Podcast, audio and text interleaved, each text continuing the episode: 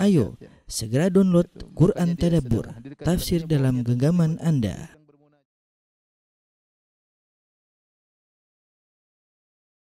Bismillahirrahmanirrahim. Assalamualaikum warahmatullahi wabarakatuh. Alhamdulillahi ala ihsani wa syukru lahu ala taufiqihi wa amtinani asyhadu an la ilaha illallah wahdahu la syarika lahu ta'ziman li sya'ni wa asyhadu anna Muhammadan abduhu wa rasuluhu da'ila ridwani. Allahumma salli alaihi wa ashabihi wa ikhwani. Para ikhwan dan akhwat yang dirahmati oleh Allah Subhanahu wa taala, Bapak-bapak dan Ibu-ibu yang dimuliakan oleh Allah Subhanahu wa taala. Insyaallah pada kesempatan yang berbahagia ini biiznillah dengan izin Allah Subhanahu wa taala kita akan bahas dua surat. Surat Al-Kafirun. Kemudian yang kedua akan kita bahas adalah surat An-Nasr, surat An-Nasr ya. Adapun yang pertama surat Al-Kafirun ya.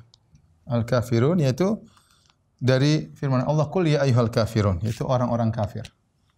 Artinya orang-orang kafir ya. Uh, surat ini memiliki beberapa nama ya. Nama-nama surat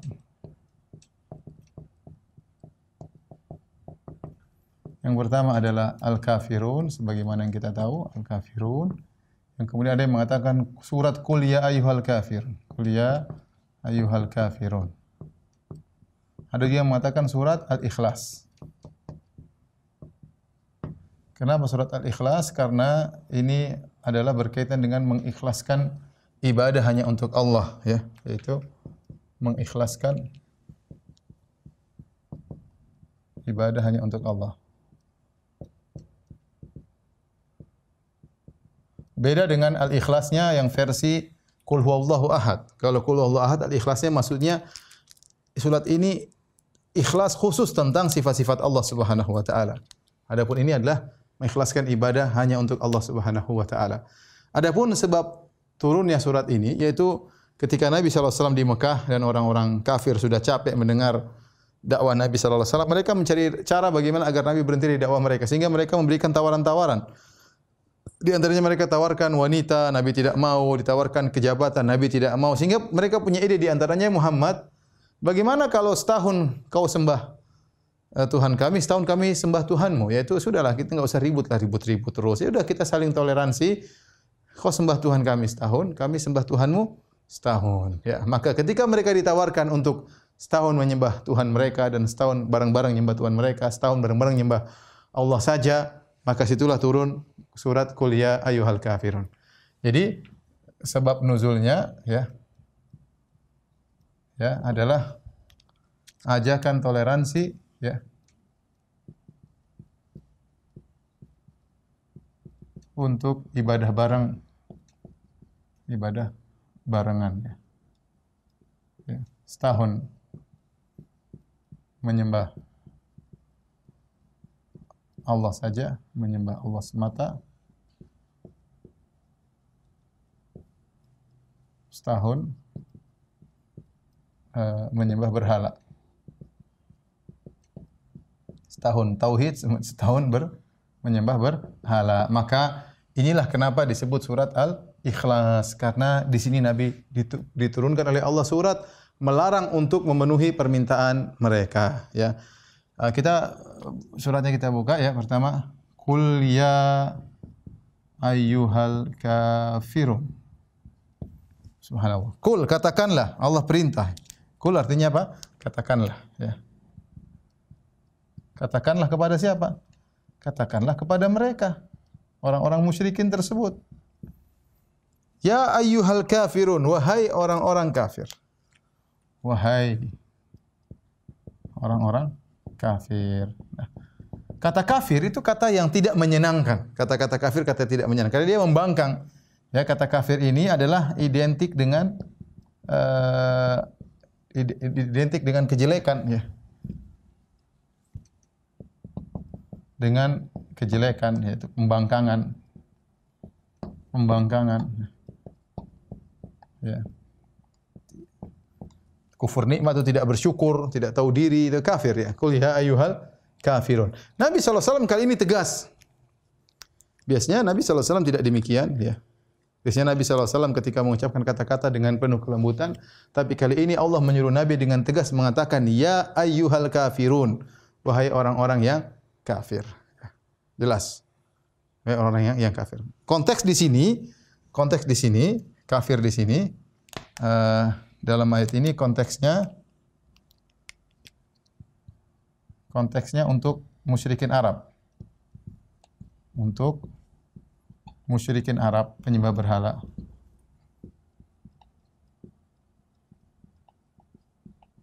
Penyembah berhala. Taib.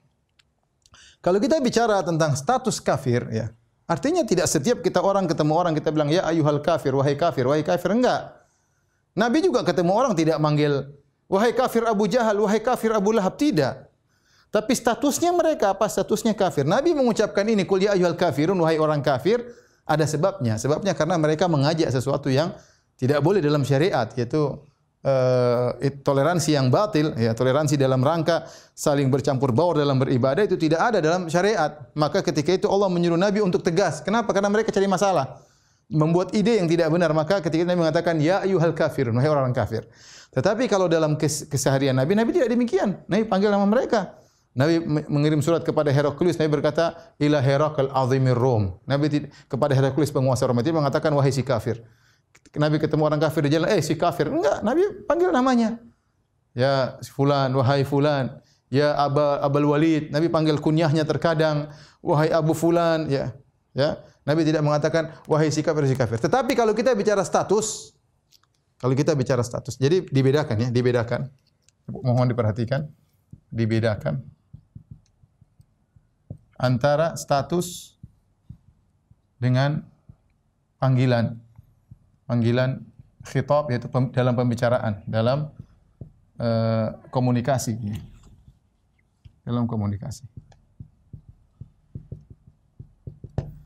Adapun status status maka semua non muslim kafir semuanya apa pun agamanya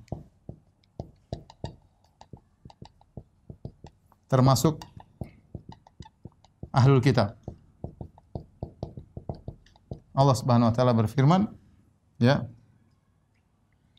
Uh, innal ladzina kafaru. Dalam surat Al-Bayyinah, min innal ladzina kafaru min ahlil kitabi. Sungguhnya orang-orang kafir min ahlil kitabi wal musyrikina fi nari jahannam binari jahannam khalidina fiha. Kata Allah sungguhnya orang kafir dari kalangan ahlul kitab dan orang musyrikin dalam neraka jahanam. Statusnya kafir. Allah berfirman, "Laqad kafara alladziina Laqad kafara alladziina qalu Inna Allaha thalithu thalatha. Thalithu thalatha. Sungguh telah kafir orang-orang yang mengatakan Allah satu dari yang tiga ya. Jadi Yahudi, Nasrani kalau dalam status Buddha penyembah berhala, Bunda, kemudian Hindu, ya, Konghucu semua non muslim semuanya orang kafir. Statusnya kafir. Kita bicara status, nggak boleh kita bilang statusnya bukan kafir. Iya, ada orang mengatakan Allah membedakan ahlul kitab, ya ahlul kitabi. Ya benar, kadang Allah panggil ya ahlul kitabi dalam Al-Qur'an beberapa, tapi kalau bicara status kafir. Innalladzina kafaru min kitab. Allah bicara status, tapi ketika Allah panggil ya ahlal kitabi, la taghlu fi dinikum wahai ahlul kitab, janganlah kalian berlebihan dalam agama kalian. Ya. Tapi kalau Allah bicara status, laqad kafara alladziina, sungguh telah kafir yang mengatakan Allah satu yang tiga. Nah, panggilan komunikasi maka tentu dengan melihat uh, adab-adab dan maslahat. Melihat adab dan maslahat. Ya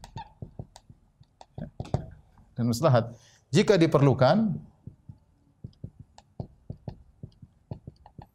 karena ada maslahat maka boleh. Sebagaimana dalam ayat ini. Dalam ayat ini. Jika tidak, maka tidak perlu maka tidak maka tidak tidak perlu sebagaimana Nabi sallallahu alaihi wasallam tidak selalu memanggil orang-orang non muslim dengan ya kafir ya kafir ya kafir enggak Enggak. Nabi panggil Heraklius dengan namanya kepada pembesar Romawi Heraklius. Nabi panggil orang kafir ya Abul Walid ya. Rasulullah panggil dengan namanya, dengan kunyahnya ya. Uh, kemudian Nabi mengatakan, "Ya Bani Abdul Muttalib, wahai anak-anaknya Abdul Muttalib, ya Bani Hashim, wahai anak Bani Hashim." Nanti ya kafir-kafir enggak? Enggak. Jadi beda kita bedakan antara status dengan bicara komunikasi. Kita punya kerjaan di teman-teman di kantor, ya.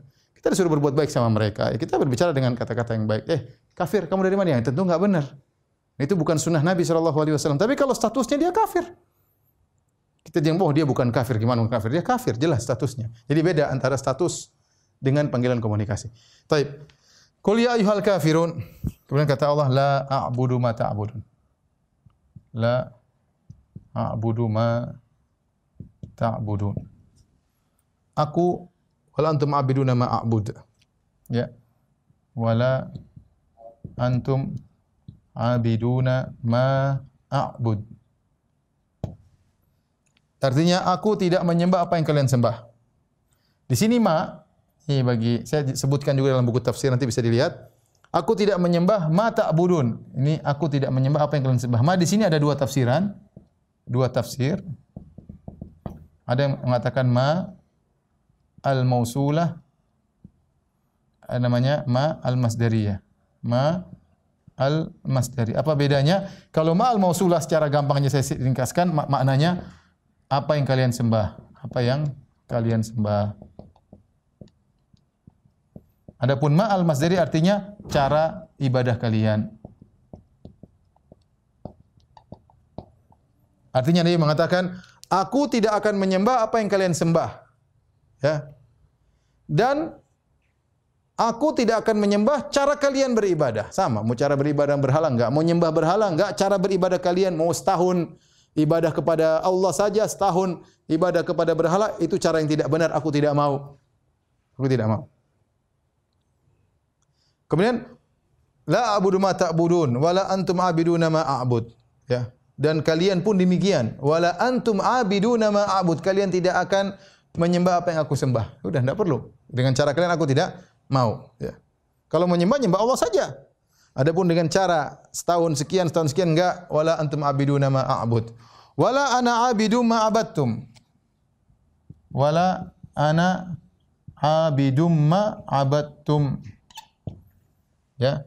Dan aku tidak menyembah apa yang telah kalian sembah wala antum abiduna ma a'bud wala antum abiduna ma a'bud diulang ya pertama la a'budu ma ta'budun wala antum abiduna ma a'bud wala ana abidu ma abattum Nabi mengulangi lagi untuk penekanan dan aku tidak akan menyembah apa yang telah kalian sembah.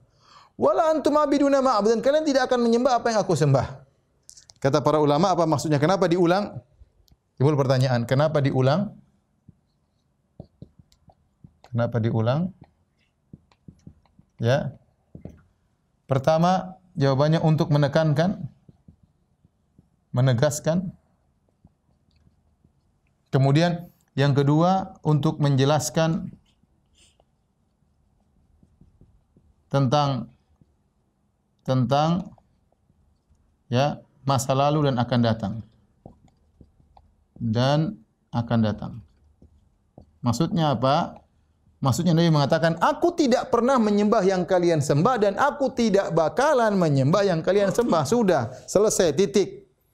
Enggak ada basa-basi. Ya.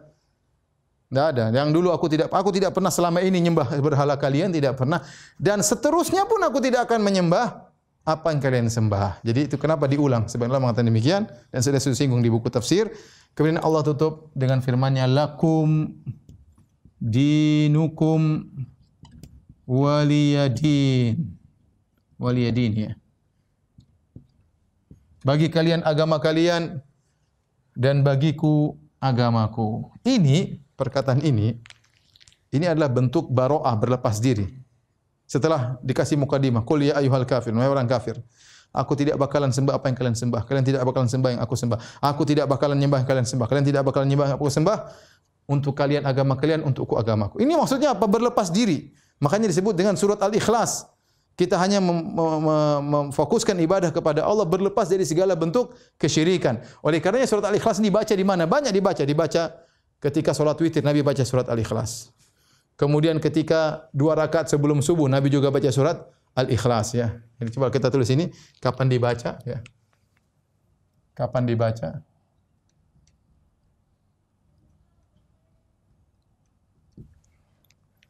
Pertama ya, ketika sholat witir dalam sholat witir. Kemudian yang kedua dua qobliyah subuh. Qobliyah subuh dibaca juga. Kemudian dua rakaat setelah tawaf. Dalam sebagian riwayat juga eh, dibaca sebelum tidur.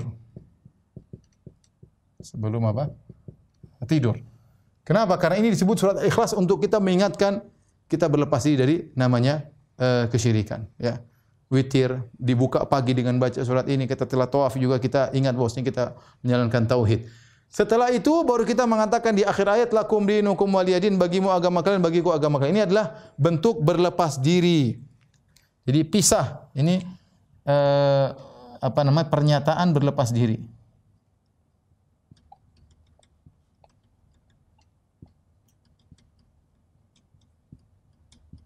Kenapa perlu saya tekankan hal ini? Karena orang-orang liberal, sebagaimana saya tulis dalam disertasi saya, eh, mereka mengatakan ayat ini menunjukkan Islam membenarkan semua agama. Subhanallah, lihat. Tafsir mana pun nggak ada yang ngomong begitu. Lakum dinukum waliyin bukan berarti kalian benar, aku benar. Enggak, enggak ada yang mengatakan tafsir mana pun tidak ada yang mengatakan itu kebohongan, kebohongan ilmiah yang dilakukan oleh para orang-orang liberal meskipun mereka bergelar doktor. Ini sudah saya bantah dalam uh, apa namanya disertasi saya. Tidak benar. Ini adalah kalimat ancaman untuk kalian agama kalian. Lana a'maluna walakum a'malukum. Bagi kalian aga, amal kalian, bagi kami amal kami. Ya sama seperti itu. Sudah masing-masing nanti bertanggung jawab ya. Jadi bukan bukan berarti kita dengan ayat ini lakum dinukum berarti bebas, terserah semuanya semuanya agama benar. Gimana kalau ini adalah surat toleransi bagaimana di awal dibuka dengan kul ya ayyuhal kafirun wahai orang-orang kafir ya. Ya. Jadi yang benar ini surat baroah, berlepas diri daripada kesyirikan. Ya. Dan saya ingatkan selalu bahwasanya kita toleransi di tanah air kita, toleransi yang benar. Toleransi yang benar adalah masing-masing mempertahankan statusnya, identitasnya dipertahankan dan membenarkan yang lain silakan yang lain melakukan aktivitas ibadahnya. Ya, tidak kemudian uh, menghalangi tidak. Tetapi itu namanya toleransi, identitas masih terjaga ya. Saya biarkan kau pergi ke gereja, saya ke masjid itu toleransi. Tapi kalau saya sama-sama ke gereja kemudian beribadah bukan toleransi lagi, identitas hilang. Itu namanya bercampur bau dan inilah toleransi yang salah. Toleransi yang di yang diminta oleh orang-orang musyrikin Arab ditantang oleh Nabi dengan surat untuk berlepas diri namanya surat Al-Ikhlas, surat Qul ya ayyuhal kafirun. Maka ditutup dengan ayat lakum dinukum waliyadin. Bagi kalian agama kalian, bagiku agamaku tidak ada namanya bercampur baur, masing-masing masing-masing menjalankan ibadahnya. Ya, adapun maksudnya ini adalah semua agama benar, maka ini adalah tafsiran yang dipaksa-paksakan yang dilakukan oleh sebagian orang-orang liberal. Wallahu taala alam bisawab. Tapi kita lanjutkan surat kedua. Jadi eh, agama Islam adalah agama yang satu-satunya agama yang benar dan Nabi wasallam telah menegaskan hal tersebut ya. Eh, tidak ada agama yang lain yang benar selain Islam karena dia satu-satunya agama yang bertauhid. Allah Subhanahu wa taala berfirman, "Inna dina indallahil Islam." Bahwasanya agama hanya Islam yang diterima oleh Allah. Allah berfirman, "Wa may yabtaghi ghairal islami dinan fala yuqbal min." Barang siapa mencari agama selain Islam maka tidak akan diterima oleh Allah Subhanahu wa taala.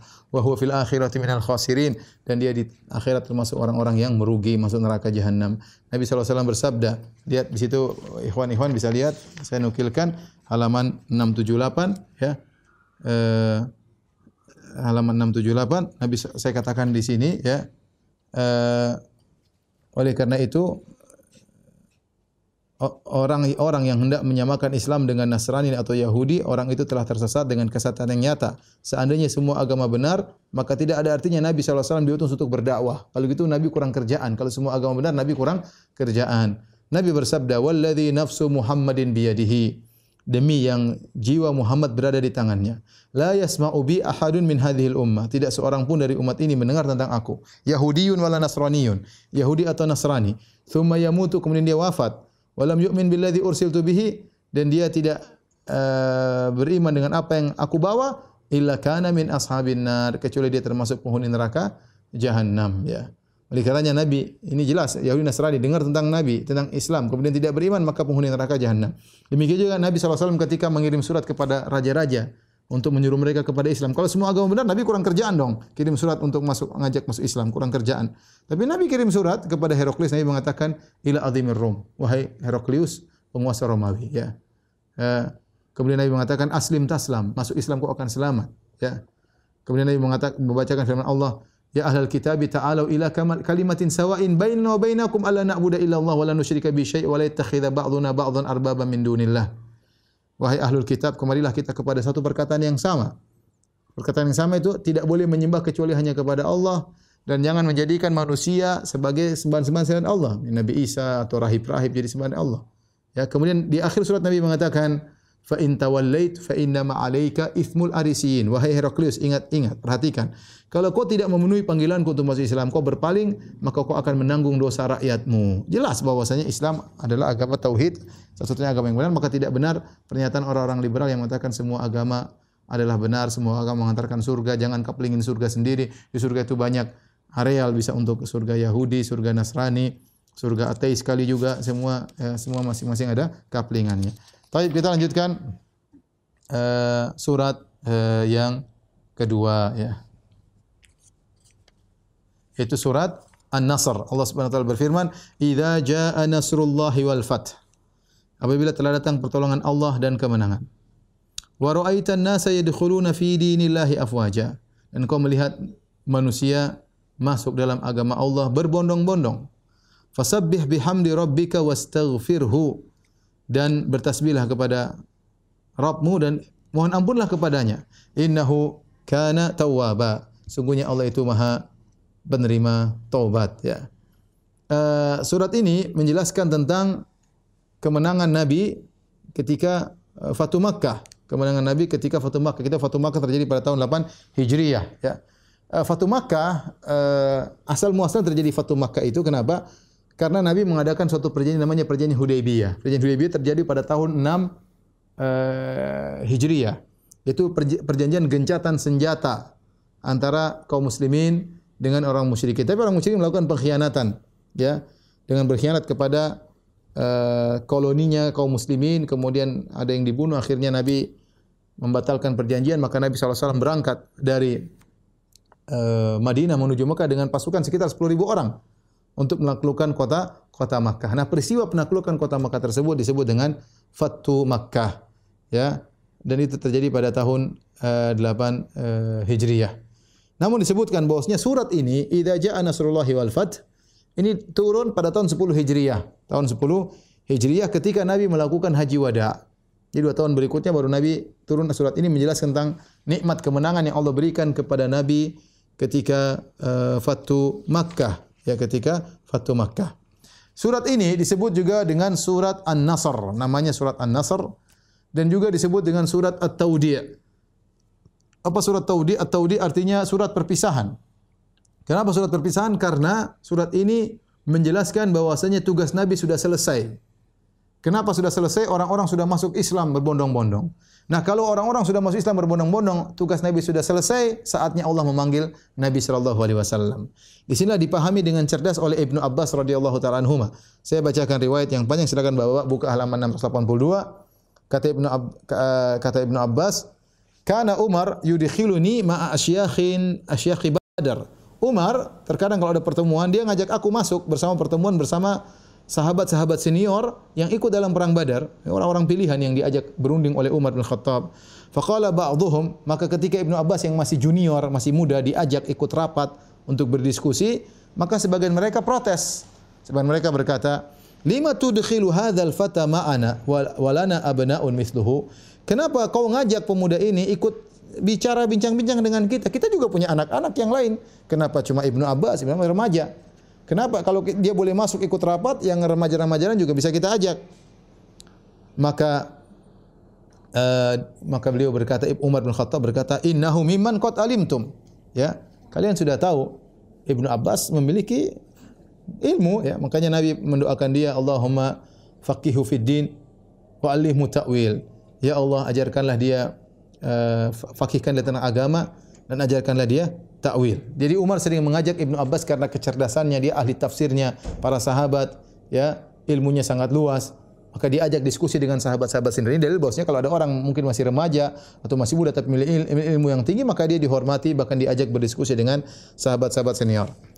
Fada'ahum dzata yaumin wa ma'ahum. Suatu hari Umar panggil uh, para sahabat-sahabat senior, kemudian Ibnu Abbas juga diajak ngumpul di situ.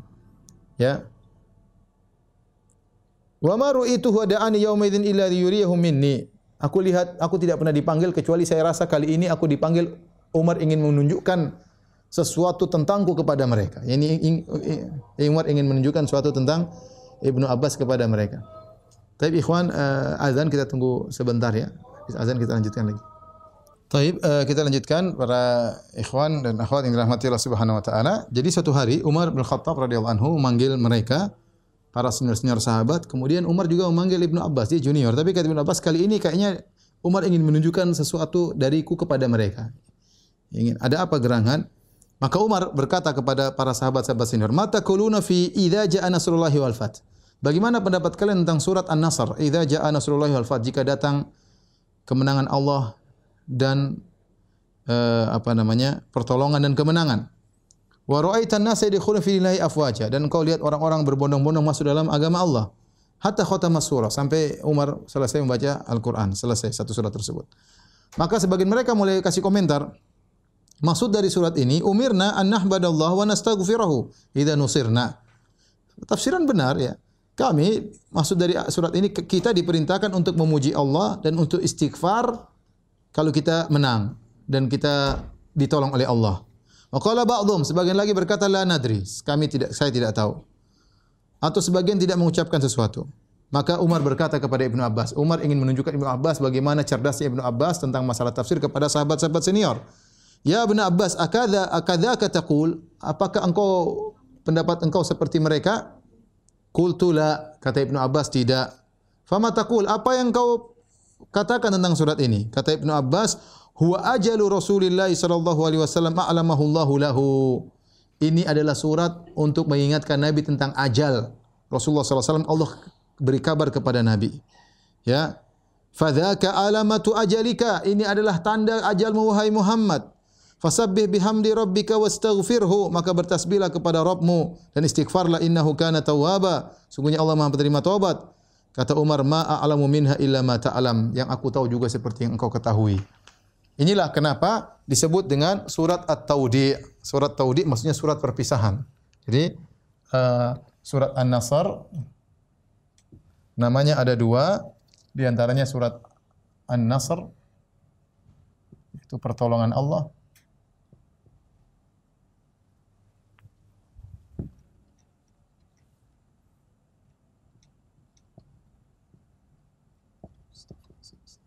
Kemudian yang satunya adalah uh, maknanya adalah surat At-Taudi.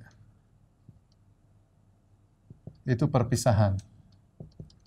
Dan ini yang dipahami oleh Ibnu Abbas radhiyallahu anhu. Jika datang pertolongan Allah dan telah kedatang kemenangan, maksudnya kemenangan sini adalah Fathu Makkah. Ya. Fathu Makkah. Ya. Pada tanggal pada tahun 8 Hijriah, ya. Wa ra'aitu nasa yadkhuluna fi dinillahi afwaja. Kau lihat orang-orang datang berbondong-bondong. Berbondong-bondong masuk Islam.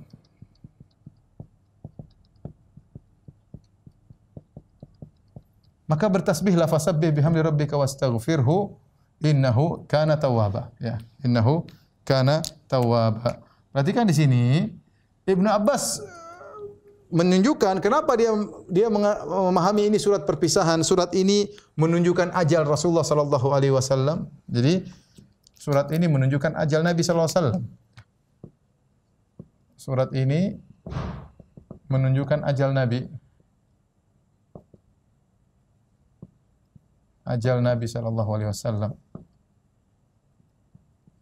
Kenapa? Karena tugas Nabi sudah selesai sudah selesai. Saatnya beliau dipanggil. Saatnya beliau dipanggil oleh Allah. Dipanggil Allah, ya. Perhatikan di sini, makanya uh, ini kecerdasnya Ibnu Abbas tatkala dia menafsirkan ayat dia bisa mengambil istimbat-istimbat ya hukum-hukum yang tidak kelihatan langsung karena cerdasnya Ibnu Abbas karena Nabi pernah mendoakan dia wa alimhu ta'wil ya Allah ajarkanlah dia uh, Al-Qur'an, tafsir. Perhatikan sini, idza ja'a nasrullahi al-fath, jika datang pertolongan Allah dan Fatu Makkah. Engkau melihat manusia masuk dalam agama Allah berbondong-bondong. Kenapa orang masuk berbondong-bondong? Kenapa berbondong-bondong? Jawabannya karena apa? Karena di Jazirah Arab banyak sekali kabilah-kabilah, ya. Karena kabilah-kabilah kabilah Arab, ya. Selain Quraisy sedang menantikan menantikan nasib Quraisy. Nasib Quraisy ya. Kita tahu Rasulullah SAW dari Quraisy, Rasulullah dari Bani Hashim. Rasulullah dari Bani Hashim. Kemudian ketika Rasulullah SAW berdakwah, banyak kabilah-kabilah menunggu bagaimana nasib Quraisy. Kalau Quraisy masuk Islam ya kita masuk Islam. Quraisy kalah ya sudah kita ikut Rasulullah SAW. Ternyata benar ketika Fatu Makkah banyak Quraisy yang akhirnya menyerah dan banyak di antara mereka masuk Islam. Sebagian mereka dibebaskan oleh Nabi dengan dengan apa namanya begitu saja ya hadiah dari Nabi silakan bebas meskipun masih kafir kata Nabi idhabu fa antumut pergilah kalian sungguhnya kalian bebas. Akhirnya mereka banyak Islam. Tatkala orang-orang kabilah-kabilah Arab yang lain melihat kaum muslimin sudah menguasai Mekah dan Umul Qura yaitu ibu kota jazirah tatkala itu, misalnya Jakartanya lah ya. Kemudian semua sudah eh, Islam sudah menguasai maka mereka pun akhirnya pilih masuk Islam. Maka pada tahun 9 Hijriah disebut dengan Amul Wufud ya. Tahun 9 tahun 9 Hijriah disebut dengan tahun uh, menerima utusan-utusan, tamu-tamu utusan. Sebut dengan amul wufud. Di situ Nabi Shallallahu Alaihi Wasallam menerima banyak orang-orang Arab datang menyatakan Islam, ingin tahu tentang Islam. Jadi orang datang ber, berbondong-bondong. Dan ini menunjukkan tugas Nabi sudah selesai. Di akhirnya Nabi mengatakan Allah mengatakan fasabbih bertasbihlah. Bertasbihlah. Rabbika wastaghfir, istighfarlah. Subhanallah. Lihat. Nabi berdakwah ya. Kita mau kasih faedah yaitu Nabi berdakwah kurang lebih 23 tahun. Semuanya penuh dengan perjuangan. Dengan perjuangan. Ya, tetapi Nabi sama sekali tidak ujub.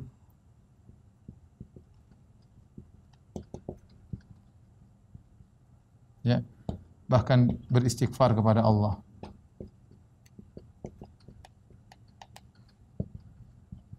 Oleh karenanya kalau kita lihat syariat, banyak setelah kita beribadah kita disuruh istighfar. Contoh salat. Ketika salat, kita assalamualaikum warahmatullahi wabarakatuh. Pertama kita ucapkan apa? Astaghfirullah, astaghfirullah, astaghfirullah menunjukkan bahwasanya kita tidak ujub. Kita ini sholat penuh dengan kekurangan. Sebanyak kesalahan. Ya. Bukan setelah sholat kita merasa bangga. Allah menyebutkan tentang orang-orang yang sholat malam. Kata Allah, Kanu qalilan minal layli ma yahja'un. Wabil ashari hum yastaghfirun. Mereka di malam hari mereka tidak tidur, mereka salat malam. Di waktu sahur di penghujung salat malam mereka, mereka beristighfar. Bukan bangga saya salat malam ujub. Enggak, malam mereka istighfar. Ya, ini orang-orang soleh, mereka tidak bangga dengan ibadah yang mereka lakukan. Ya, wabil ashari hum yastaghfirun di waktu sahur mereka beristighfar. Ya, kata Allah juga wal mustaghfirina bil ashar orang-orang yang beristighfar di waktu sahur setelah mereka melaksanakan salat salat malam. Allah juga berfirman tentang haji, wa idza afadtum min arafatin fadhkurullah indal masy'aril haram. Ya, thumma afidu min haitsu afadha an-nas wastaghfirullah. Kata Allah tentang para jemaah haji, kalau kalian sudah di padang Arafah kemudian kalian beranjak beranjak meninggalkan Arafah, beristighfarlah. Padahal kita tahu haji adalah puncak daripada Arafah. Al-Hajju Arafah. Puncak daripada haji adalah Arafah. Di situ orang semua menangis berdoa kepada Allah. Setelah itu Allah suruh beristighfar juga. Sama seorang sehabis wudu kata Allah, kata Nabi SAW, Allah majalil minat tawabina majalil mutatahhirin. Ya Allah jadikan aku termasuk orang yang maha orang-orang yang suka bertobat. orang suka ber, bersuci. Jadi ini ingatan kepada kita, kita kalau beribadah habis sedekah jangan ujub, habis sholat jangan ujub, habis dakwah jangan ujub. Nabi 23 tahun dakwah tidak bangga, tidak sombong. Ada orang mungkin baru dakwah baru setahun sudah bangga cerita sana sini, merasa hebat, merasa sebagai uh, apa namanya uh, orang yang pendobrak awal dan yang lain yang babas apa babat alas dan macam-macam. Kita bilang lihat Nabi SAW 23 tahun beristighfar. Setelah turun ayat ini Nabi ruku dan sujud berdoa dengan subhanakallahumma rabbana wa bihamdika Allahumma ghfirli. Ya. Subhanaka Allahumma rabbana wa bihamdika. Subhanakallahumma rabbana wa bihamdika Allahumma ghfirli. Ya. Subhanakallahumma rabbana wa bihamdika Allahumma ghfirli ini Nabi baca ketika ruku dan sujud ya ta'awul Quran itu Nabi mengamalkan ayat ini. Ini ini doa yang Nabi baca di penghujung kehidupannya. Jadi kalau Nabi ruku Allahu Akbar langsung subhanakallahumma rabbana wa bihamdika Allahumma ghfirli subhanak terus. Kalau Nabi sujud juga Nabi baca yang sama subhanakallahumma rabbana wa hamdika Allahumma ghfirli. Ya inilah surat An-Nasr wallahu taala alam bisawab. Ya. Jazakallahu khairan. Ya, demikian Pak Faisal terima kasih atas kerjasamanya. Semoga pertemuan kita diberkahi oleh Allah Subhanahu wa taala, menambah ketakwaan kita, diampuni dosa-dosa kita. Wabillahi taufiq wal hidayah. Assalamualaikum warahmatullahi wabarakatuh.